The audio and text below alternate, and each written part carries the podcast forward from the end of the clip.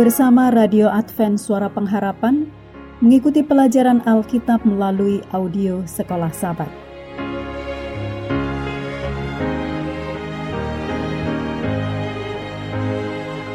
Selanjutnya kita masuk untuk pelajaran hari Minggu tanggal 29 Januari.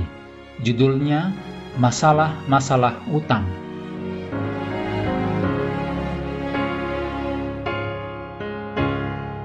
Mari kita mulai dengan doa singkat yang didasarkan dari Mazmur 90 ayat 12. Ajarlah kami menghitung hari-hari kami sedemikian, sehingga kami beroleh hati yang bijaksana. Amin.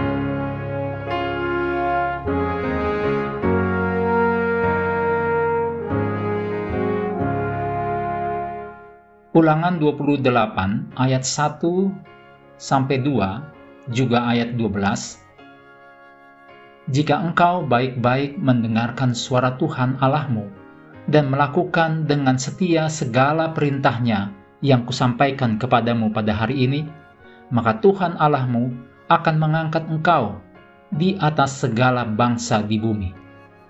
Segala berkat ini akan datang kepadamu dan menjadi bagianmu jika engkau mendengarkan suara Tuhan Allahmu Tuhan akan membuka bagimu perbendaharaannya yang melimpah, yakni langit, untuk memberi hujan bagi tanahmu pada masanya dan memberkati segala pekerjaanmu, sehingga engkau memberi pinjaman kepada banyak bangsa, tetapi engkau sendiri tidak meminta pinjaman.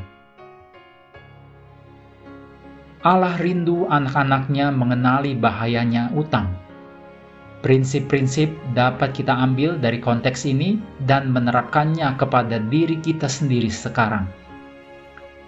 Penelitian menunjukkan bahwa ada tiga alasan utama yang membawa manusia ke dalam kesulitan keuangan.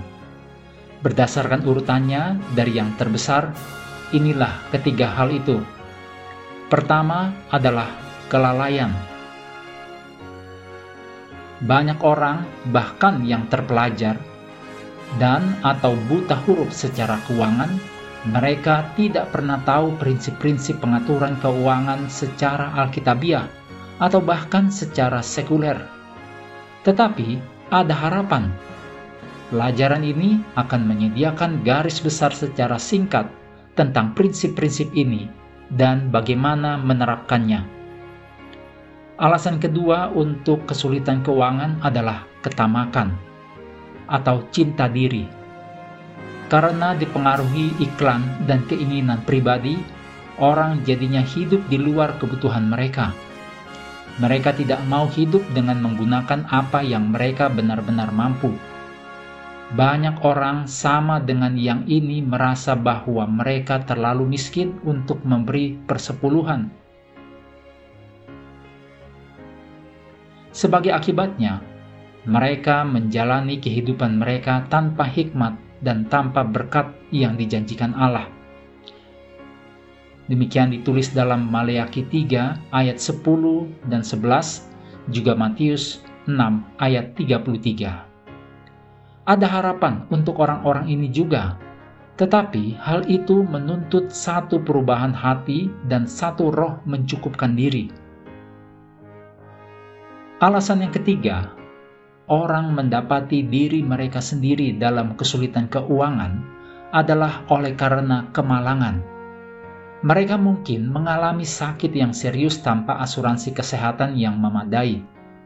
Mungkin mereka ditinggalkan oleh pasangan mereka yang boros.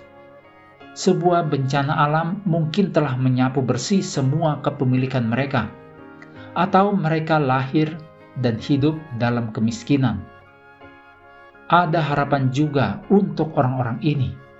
Meskipun langkah mereka lebih sukar, masalah mereka dapat diatasi. Perubahan dapat datang melalui dukungan dari sahabat-sahabat Kristen mereka, nasihat dan atau bantuan dari penasihat-penasihat yang saleh, kerja keras yang dipadukan dengan pendidikan yang baik, dan berkat serta pemeliharaan Allah. Apa pun alasannya, meskipun itu adalah kesalahan orang itu sendiri, utang dapat dikurangi.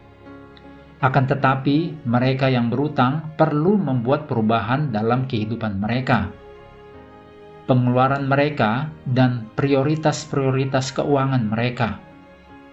Paulus mengatakan hal yang kita semua perlu perhatikan dan ikuti dengan lebih baik dalam 1 Timotius 6 ayat 6 sampai 9 dikatakan memang ibadah itu kalau disertai rasa cukup memberi keuntungan besar sebab kita tidak membawa sesuatu apa ke dalam dunia dan kita pun tidak dapat membawa apa-apa keluar.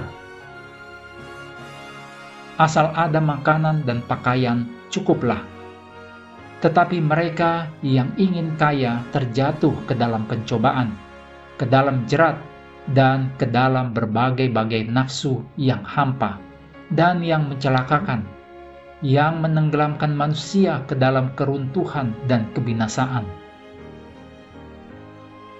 Mengakhiri pelajaran hari ini, mari kembali ke ayat hafalan kita dalam Amsal 22 ayat 7. Orang kaya menguasai orang miskin, yang berutang menjadi budak dari yang mengutangi.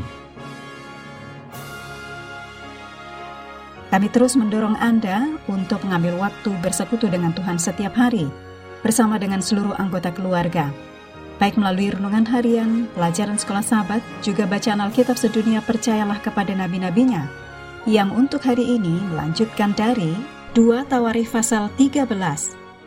Tuhan memberkati kita semua.